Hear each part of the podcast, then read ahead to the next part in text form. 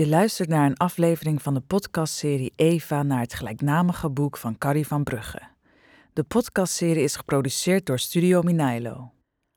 Aflevering 7. David.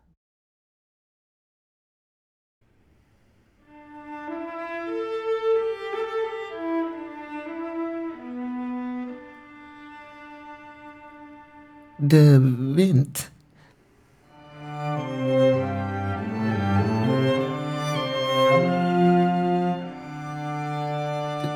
De, wind drijft.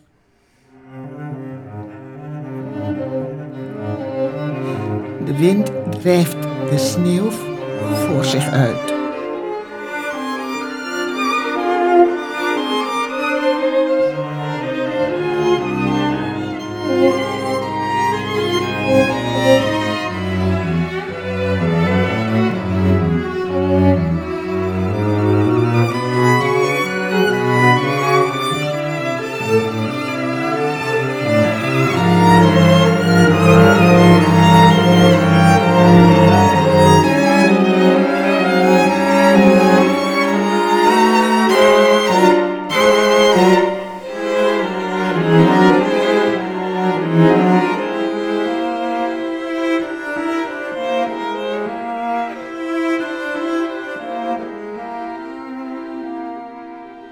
De wind drijft de sneeuw voor zich uit.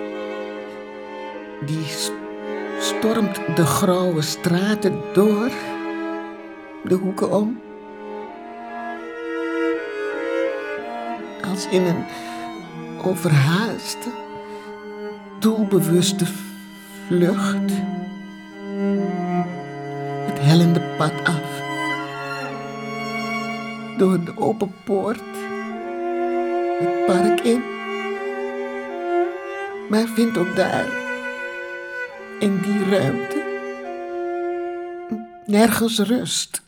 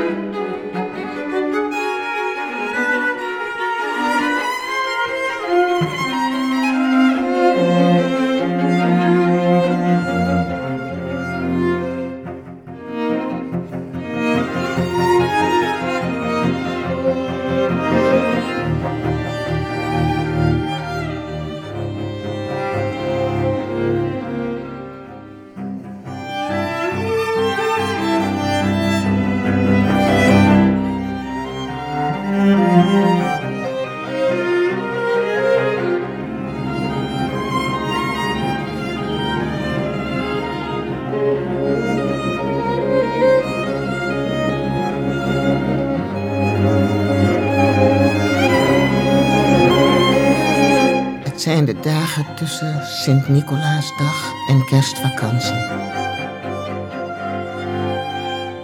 Korte stompjes van dagen, machteloze dagen, onvoldragen dagen. Je voelt jezelf verengd en begrensd als tussen horizon en hemel de verengde en de begrensde aarde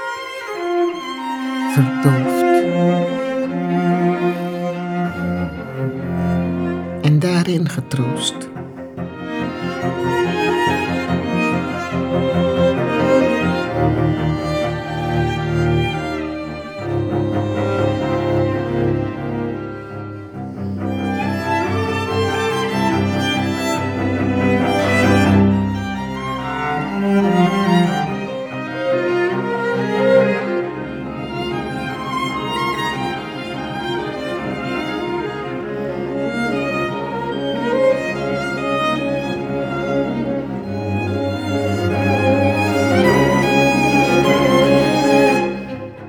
Verdoofd.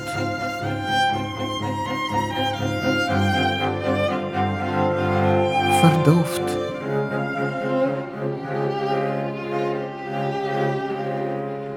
En daarin getroost.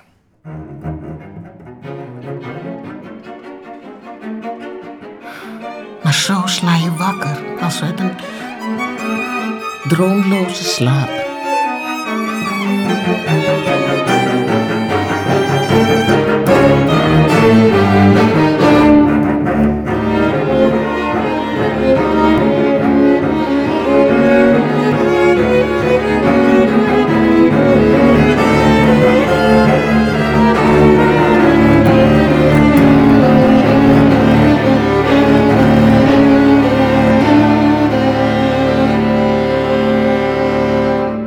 Elke middag gaat ze eerst Klaartje halen. En met Klaartje samen haalt ze Eddie uit school. En met allebei en met elk aan een hand. En blijven hand in hand met drieën alleen. Met drieën één. En ze kwamen thuis en Ben zei: Ik moet je even alleen iets zeggen. En er rezen schimmen van angsten, als uit kimmen. Er vielen schaduwen van mogelijkheden. En ze dacht, wat wordt zijn baard toch grijs? En toen zei Ben... Je moet het ergste nu horen. David is dood.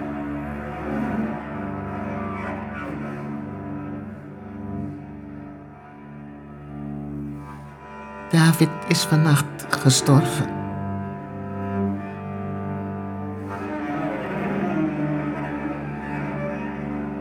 En toen was het ineens alsof al die jaren. En dan ging je met de kinderen zo innig. En Ben is er toch ook. Je verloochent hem nooit. Maar David was al die jaren naast je gegaan. Al waren er jaren bij. Die jaren dat je elkaar nauwelijks zag. Hij was een volstrekte aanwezigheid. Toen zei Ben: David is dood. Hij stierf in de afgelopen nacht. En hij stond niet langer naast haar overeind. Hij zonk op de grond. En er was een lege plek waar hij had gestaan.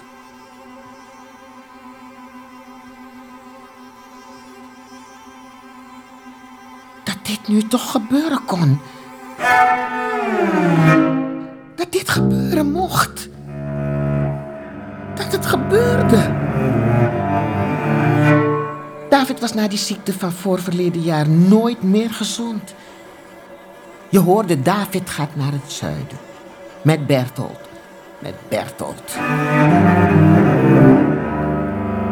Men zei, hij is wel altijd met die Bertolt. Ja, Ben. Van jongen af is hij altijd met Bertolt. Van mij ging hij naar Bertolt. Ik kreeg hem nooit terug.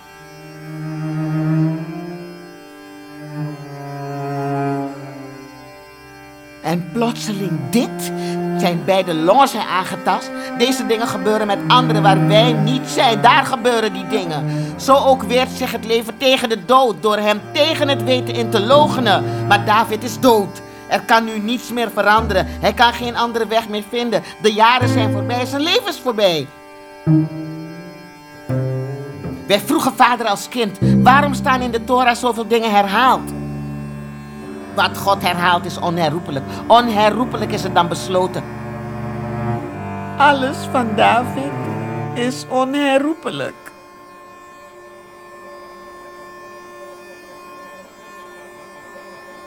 Eens als kind wist ik de dood. Nooit zal ik het vergeten. Het weten wachtte mij in bed na de stormdag. En ik wilde het wel. Ik wilde de dood wel even weten.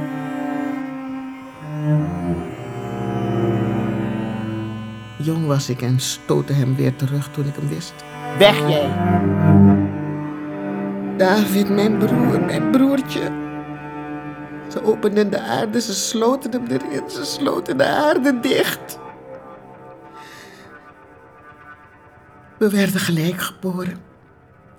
We zouden deze maand nog beiden 31 jaar geworden zijn.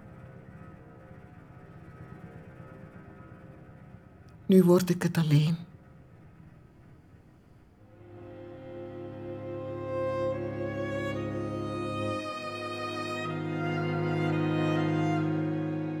De brief van Helene. Een onbekende kloeke hand en achter op de brief een onbekende vrouwennaam. Naar Davids woonplaats in de cirkel op het stempel, zwart en sterk. En ik stond met die brief en met mijn hoed nog op. Hm, ik wist het toch al.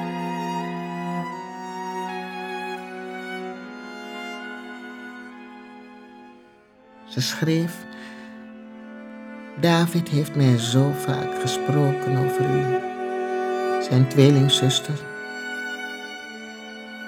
En over de oude dagen en over de oude dingen. Ik wilde graag de oude dingen zien. Ik wilde langs de oude plekken gaan met u. Ik wil ook naar zijn ouders naar uw ouders met u gaan. Straks, daar ginds, zullen we elkaar ontmoeten. Hm. Wij komen elk van onze eigen kant. We kwamen elk van onze eigen kant. Naar Hem.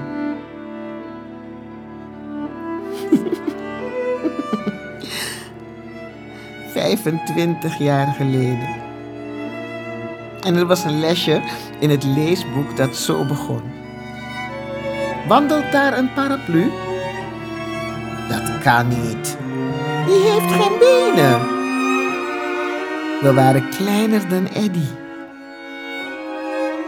Nu noemt Eddy mijn moeder. En David is dood.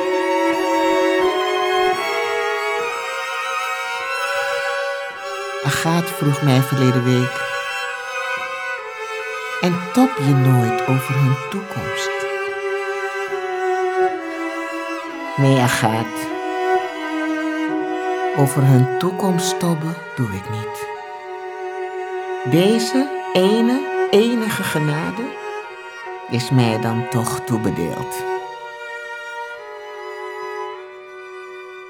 Dat mij de toekomst niet verontrusten kan. Het medelijden vernielde mij, met de levenden en met de doden. De dankbaarheid vermaalde mij. De gelukzaligheid vermorselde mij. Ik was de sterrenhemel. Ik was de zonsondergang. Ik was het alles droeg het alles. Geen enkel ding liet mij met rust. Alles vloeide me toe en vloeide van mij uit. Ik was het vloeiend hart van alle dingen. Onrecht leed ik, onrecht wreekte ik. Met de martelaren werd ik verbrand. Met de samenzweerders deed ik mee. Ik heb alles vergeven en alles begaan. Alles geschapen, alles vernield. De eenzame dingen, de eenzame bomen, de eenzame wateren de eenzame gedachte. Het heeft mij alles, onophoudelijk heeft het mij bevlogen. Om in mijn doorgronding, in mijn begrip, uit zijn eenzaamheid verlost te worden. Om met al het andere eenzame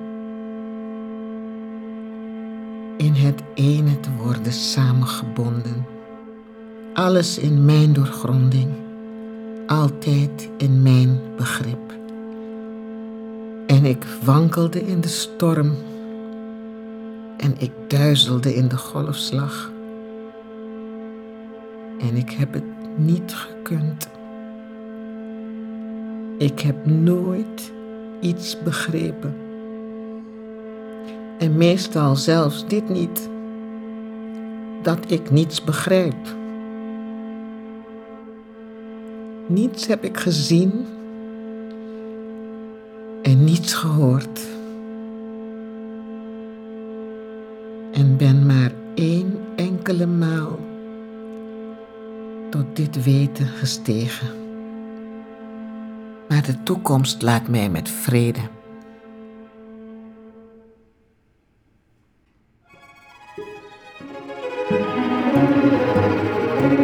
Zij, maar nu heb je toch weer een ideaal? Nu heb je toch je nieuw ideaal gevonden in de moederliefde, in het moederschap.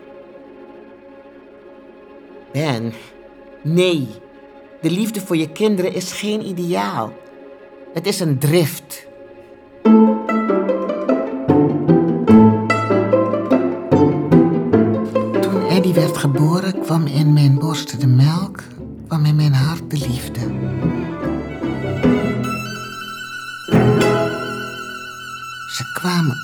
Mij voor het kind dat uit mij was.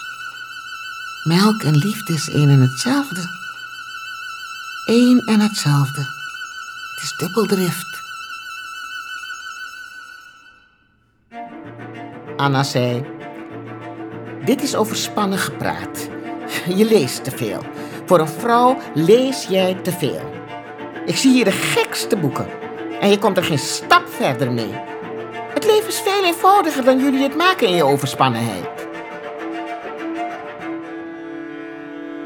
Het was al laat in de avond. We kleden ons uit. We kijken niet naar elkaar als we ons uitkleden. Ik kijk wel naar mezelf. Soms. Ik kijk naar mijn schouders. Mijn zachte schouders. Soms kus ik mijn eigen schouders. Ben wint zijn horloge op.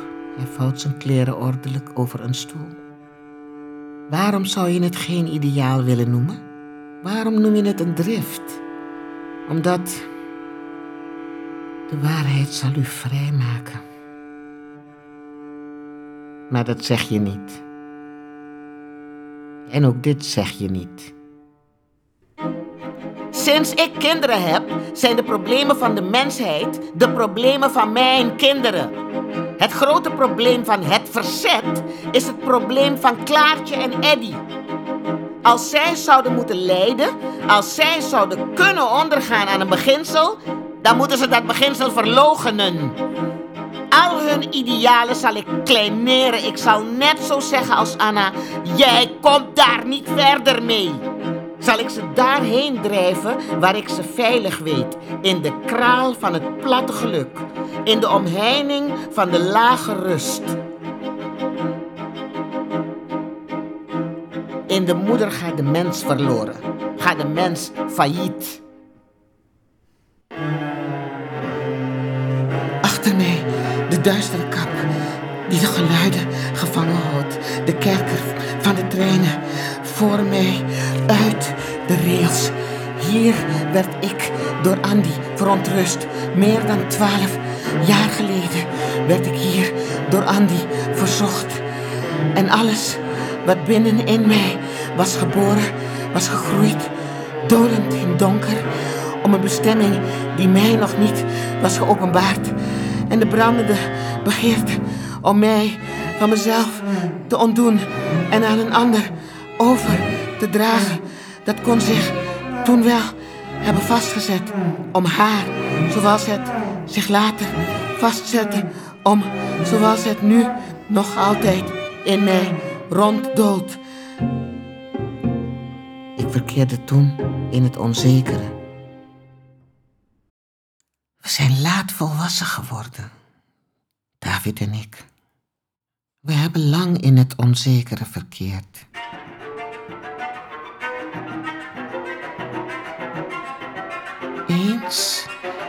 Is er iets bij mij komen binnenstormen. Totaliteit en evolutie zijn met elkaar in strijd.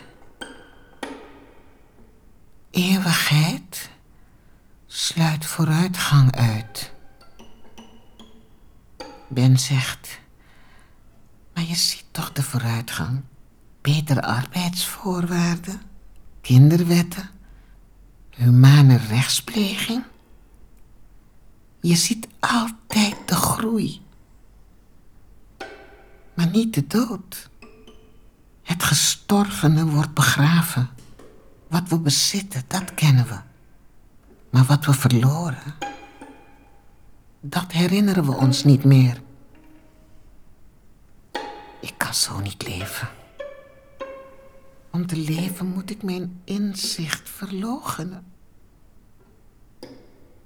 Want mijn inzicht logent het leven. Altijd en overal. De eeuwige slingerslag. Dezelfde tegenstrijdigheid. Altijd, overal. Altijd, overal. Altijd, overal. Tweespalt. Gebrokenheid. Tot het inzicht heffen we ons op. In het inzicht heffen we ons op. Dat is de dood.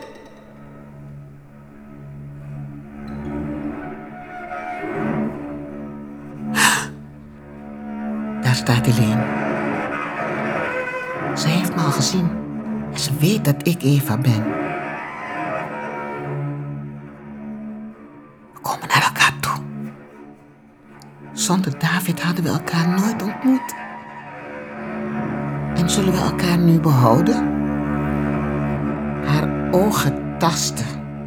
Haar ogen zoeken. Haar ogen bouwen. Ze ziet niet mij. Ze zoekt David in mij. Ze wil in mij hem zien, hem doen herleven. U bent zijn zuster, Eva? Ja, ik ben Eva. Helene? U lijkt op hem. Het zou wel wonderlijk zijn als we niet op elkaar leken.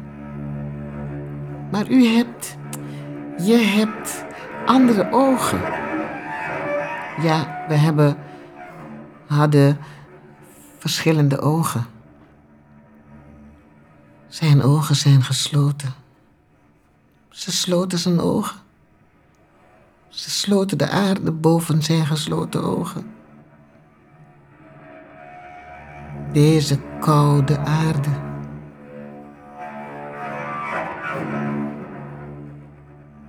En nu staan we hier samen. Helene en ik.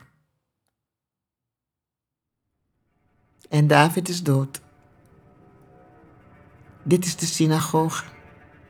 Ja, hij is klein. Wij zagen hem groot.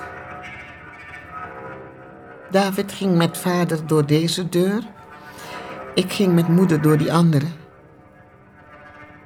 David en ik.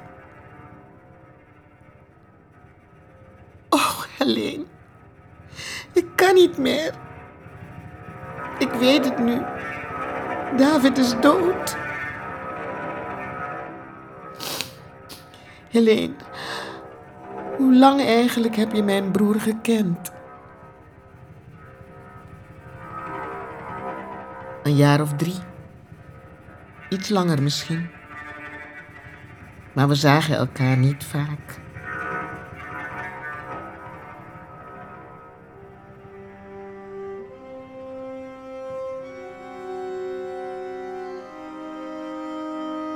Eva, de jongen hield ons van elkaar af. Hij haatte mij. Hij haat alle mensen. Hij haatte David ook. Uit haat heeft hij hem, heeft hij hem, hij heeft hem vernietigd. O Eva, hij is een verdorven jongen. Hij is een vrede, cynische jongen. Medelijden kent hij niet. Kwellen is zijn lust. Hij heeft op David geparasiteerd. Hij heeft hem uitgezogen.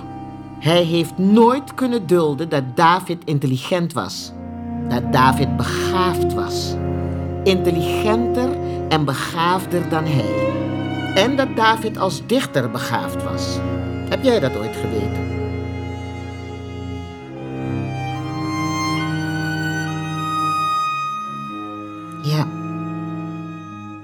Wist het als kind. Als meisje. We bedachten een schrijver. Theo Vermeer. David begreep wel dat ik het begreep.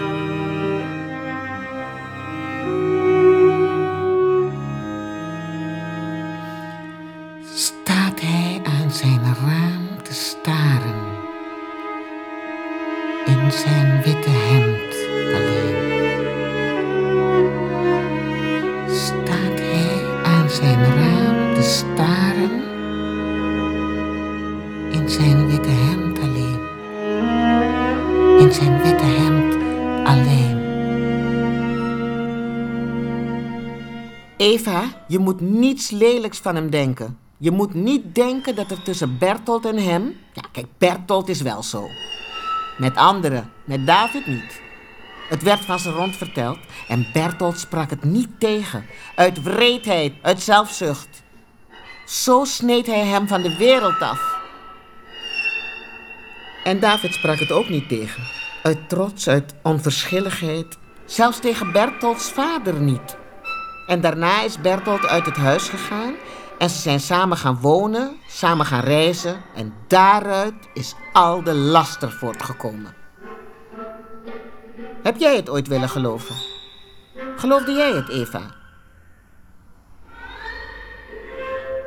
Ik heb er me zo weinig in verdiept. Je hebt je er weinig in verdiept? Ja, want ik vind het zo heel belangrijk niet. Ik bedoel, vergeleken met de dingen die wezenlijk belangrijk zijn. De grote problemen van de geest, van het geweten. Al het seksuele op zichzelf, afgezien van verhoudingen. Ik voel het als in zekere zin onbelangrijk. Ik bedoel, voor jezelf is het belangrijk genoeg. Daarom zeg ik in zekere zin onbelangrijk. Maar ik zeg het niet duidelijk. Ik, wil dit zeggen. Het staat buiten de intellectuele en de ethische problemen. Je wilt zeggen dat je er niemand om veroordelen mag? Het is een ongeluk, Eva, om zo te zijn als Bertolt. Het hoeft geen ongeluk te zijn. Maar het is toch steriel? En waarom steriel? Het hoeft toch niet altijd om een kind te gaan. Gevoel en geestdrift, inspiratie. Dat is toch allemaal ook realiteit? Maar Eva, het andere, het normale, man met vrouw, dat is toch beter, is toch mooier? Ik weet het niet, Helene. Je moet mij die dingen niet vragen. Ik weet er niets van. Je bedoelt van het andere? Van de afwijking? Nee, ik bedoel van het normale, van het natuurlijke.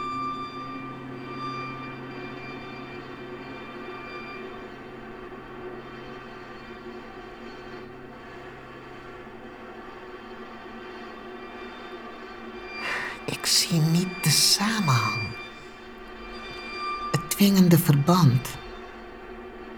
Dokter Jaap verweet het me niet. Maar toch, ik kon hem kussen. Maar het stelde mij teleur na de allereerste keer. Ik zocht het opnieuw en het stelde me opnieuw teleur. Elke keer stelde het me dieper teleur. Veel toe en mijn hart sloeg het oude vonnis. Ontucht, overspel, ontucht, overspel, ontucht, overspel. André deed mij verwijten. Hij zei: Het is een schande. Je bent onedelmoedig. Je bent net precies als die vrouw uit het boek van Zola. Tout ce que vous voulez, pas. Later zei hij iets dat me dieper raakte. Schroeiend, het was als een schotwond. Hij zei: Voor wat jij bent, hebben de Fransen een tekenend woord. Kom, André, zeg het me maar. Het brandje op je lippen.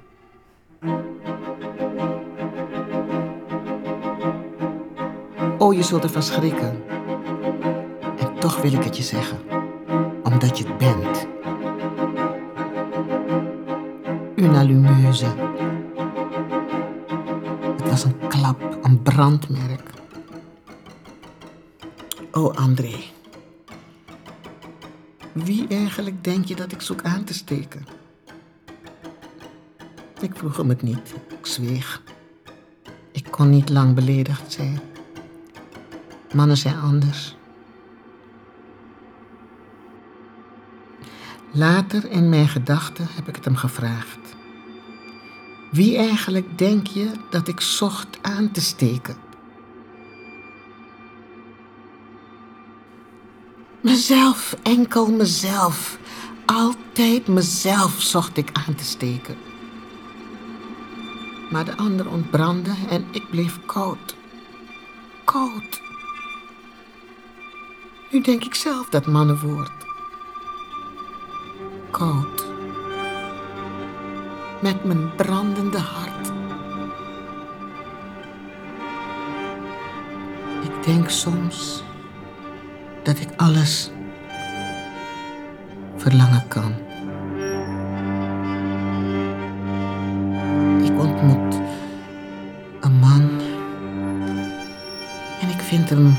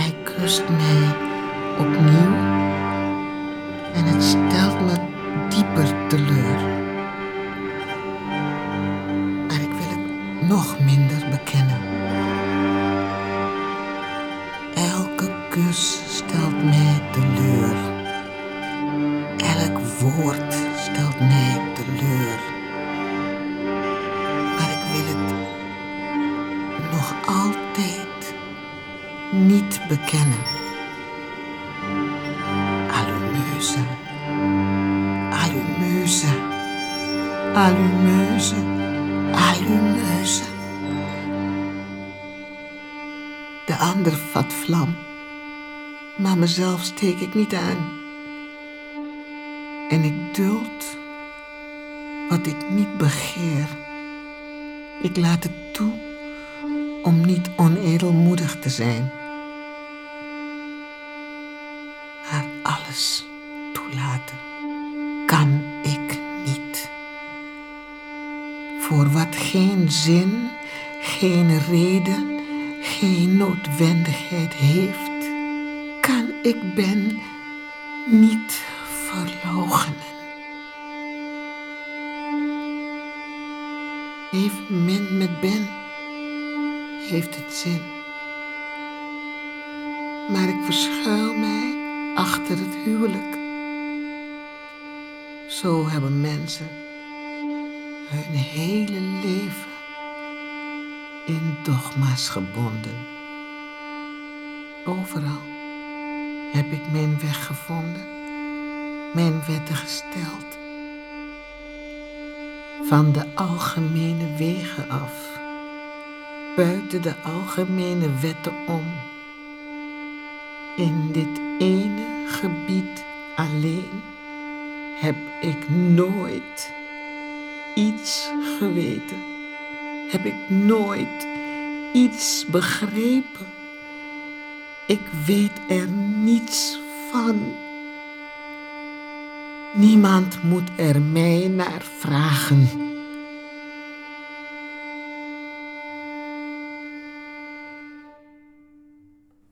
Helene zit naast mij. Ze kijkt over water en polders. Ik hoor haar ademen. Ze ademt waar hij geademd heeft. Zo zoekt ze zich met hem te vereenzelvigen. In dat wat hem heeft opgebouwd. Hem en mij.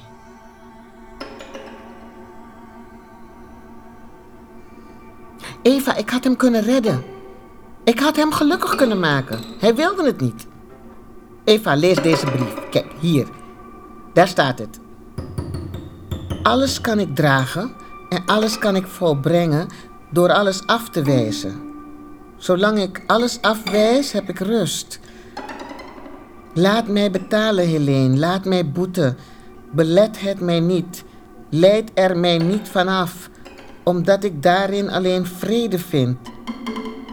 De christenen zijn zo trots op hun verheven moraal. Bied hem de linkerwang die u, biedt hem de linkerwang die u op uw rechter slaat. Ze vergeten één enkel ding: het bederf. Ik doe dit met Bertolt. Het is moral insanity. Beiden zijn we moral insane. En er is maar één ding waardoor dit ondraaglijke draaglijk wordt: dat ik er dagelijks voor boet. Het lijden, het ontberen, het afwijzen. Dat is mijn enig deel van geluk. Zo los ik mijn schuld af. Zo verlos ik mezelf. Begrijp jij dat, Eva? Die zijn tweelingzuster bent.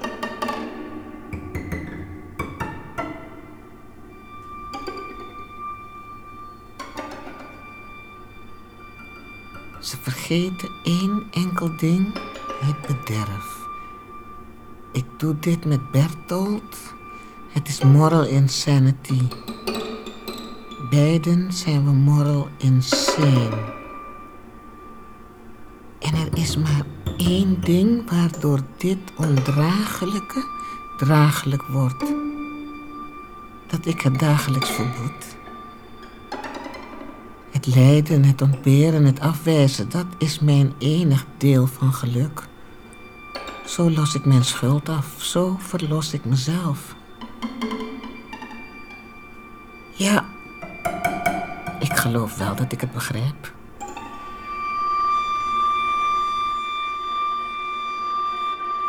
De enige, eeuwige slingerslag. Het eeuwig gebrokene eeuwig zich herstellende, nooit zich herstellende evenwicht. Zo leerden we op school van de stormen en van de passaten. De depressie wekt de storm. Er was een tekort. Tekort is schuld. Schuld doet naar de boete dorsten. Zo verschijnt de storm. Wie tekort deed, betaalt. Wie te veel nam, restitueert. Zo leeft de storm zich uit. Zo keert het evenwicht weer. Stormen en passaten. Tekort, te veel. Zo herstelt zich het evenwicht. Hij zocht zijn harmonie in het ongeluk. Om het leven te kunnen dragen, moest hij dagelijks bij zijn leven zich de dood aandoen. Ik heb dit van hem geweten eer ik het las. Ik geloof dat ik dit al sinds jaren van hem weet. De slingerslag. Het eeuwig gebrokene. Eeuwig herstellende. Nooit zich herstellende evenwicht. Dagelijks het leven willen betalen met de dood. Zich bij zijn leven de dood aandoen. Levensdrift in de slingerslag. Het eeuwige, enige. Alles.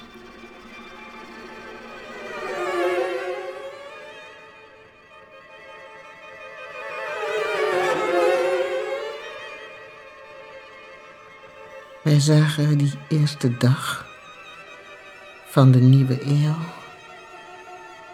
ons voorbij trekken.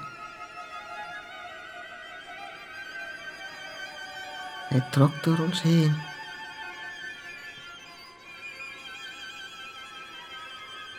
Wij werden er doorheen getrokken. David en ik.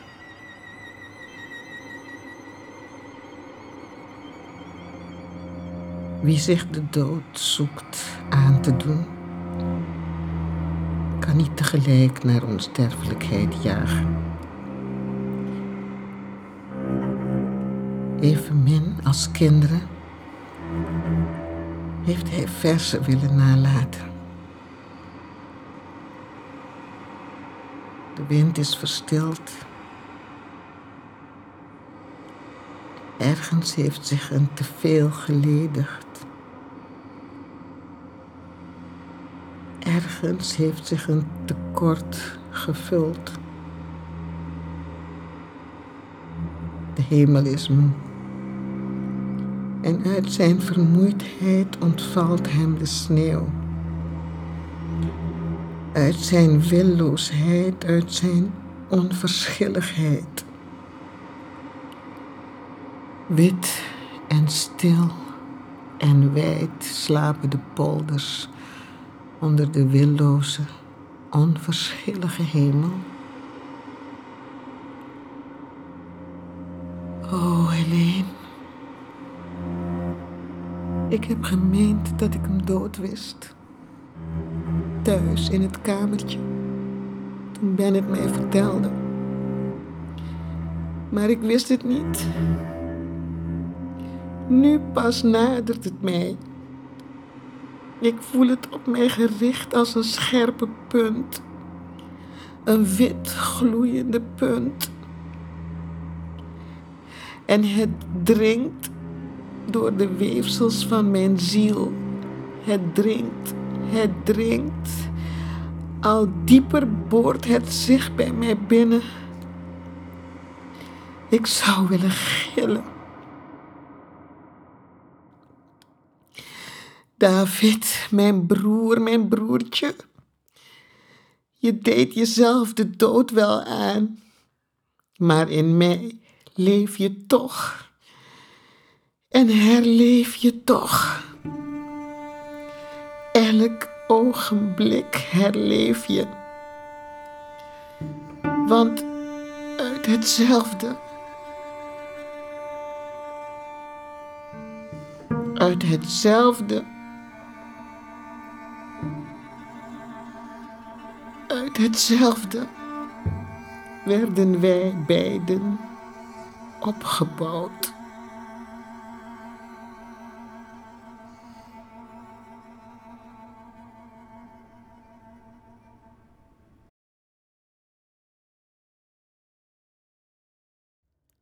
Je luisterde naar de zevende aflevering van de podcastserie Eva. De aflevering werd vertolkt door Helen Kamperveen en het Ragazze Quartet. De boekbewerking is gemaakt door Gaia Schoeters en de muzikale samenstelling en leiding door Annelies van Parijs. Eva is geregisseerd en geproduceerd door Sharon Minailo en Studio Minailo. Kijk op www.carrievanbrugge.nl voor meer informatie over de podcast. En volg ons op social media om op de hoogte te blijven van nieuwe afleveringen.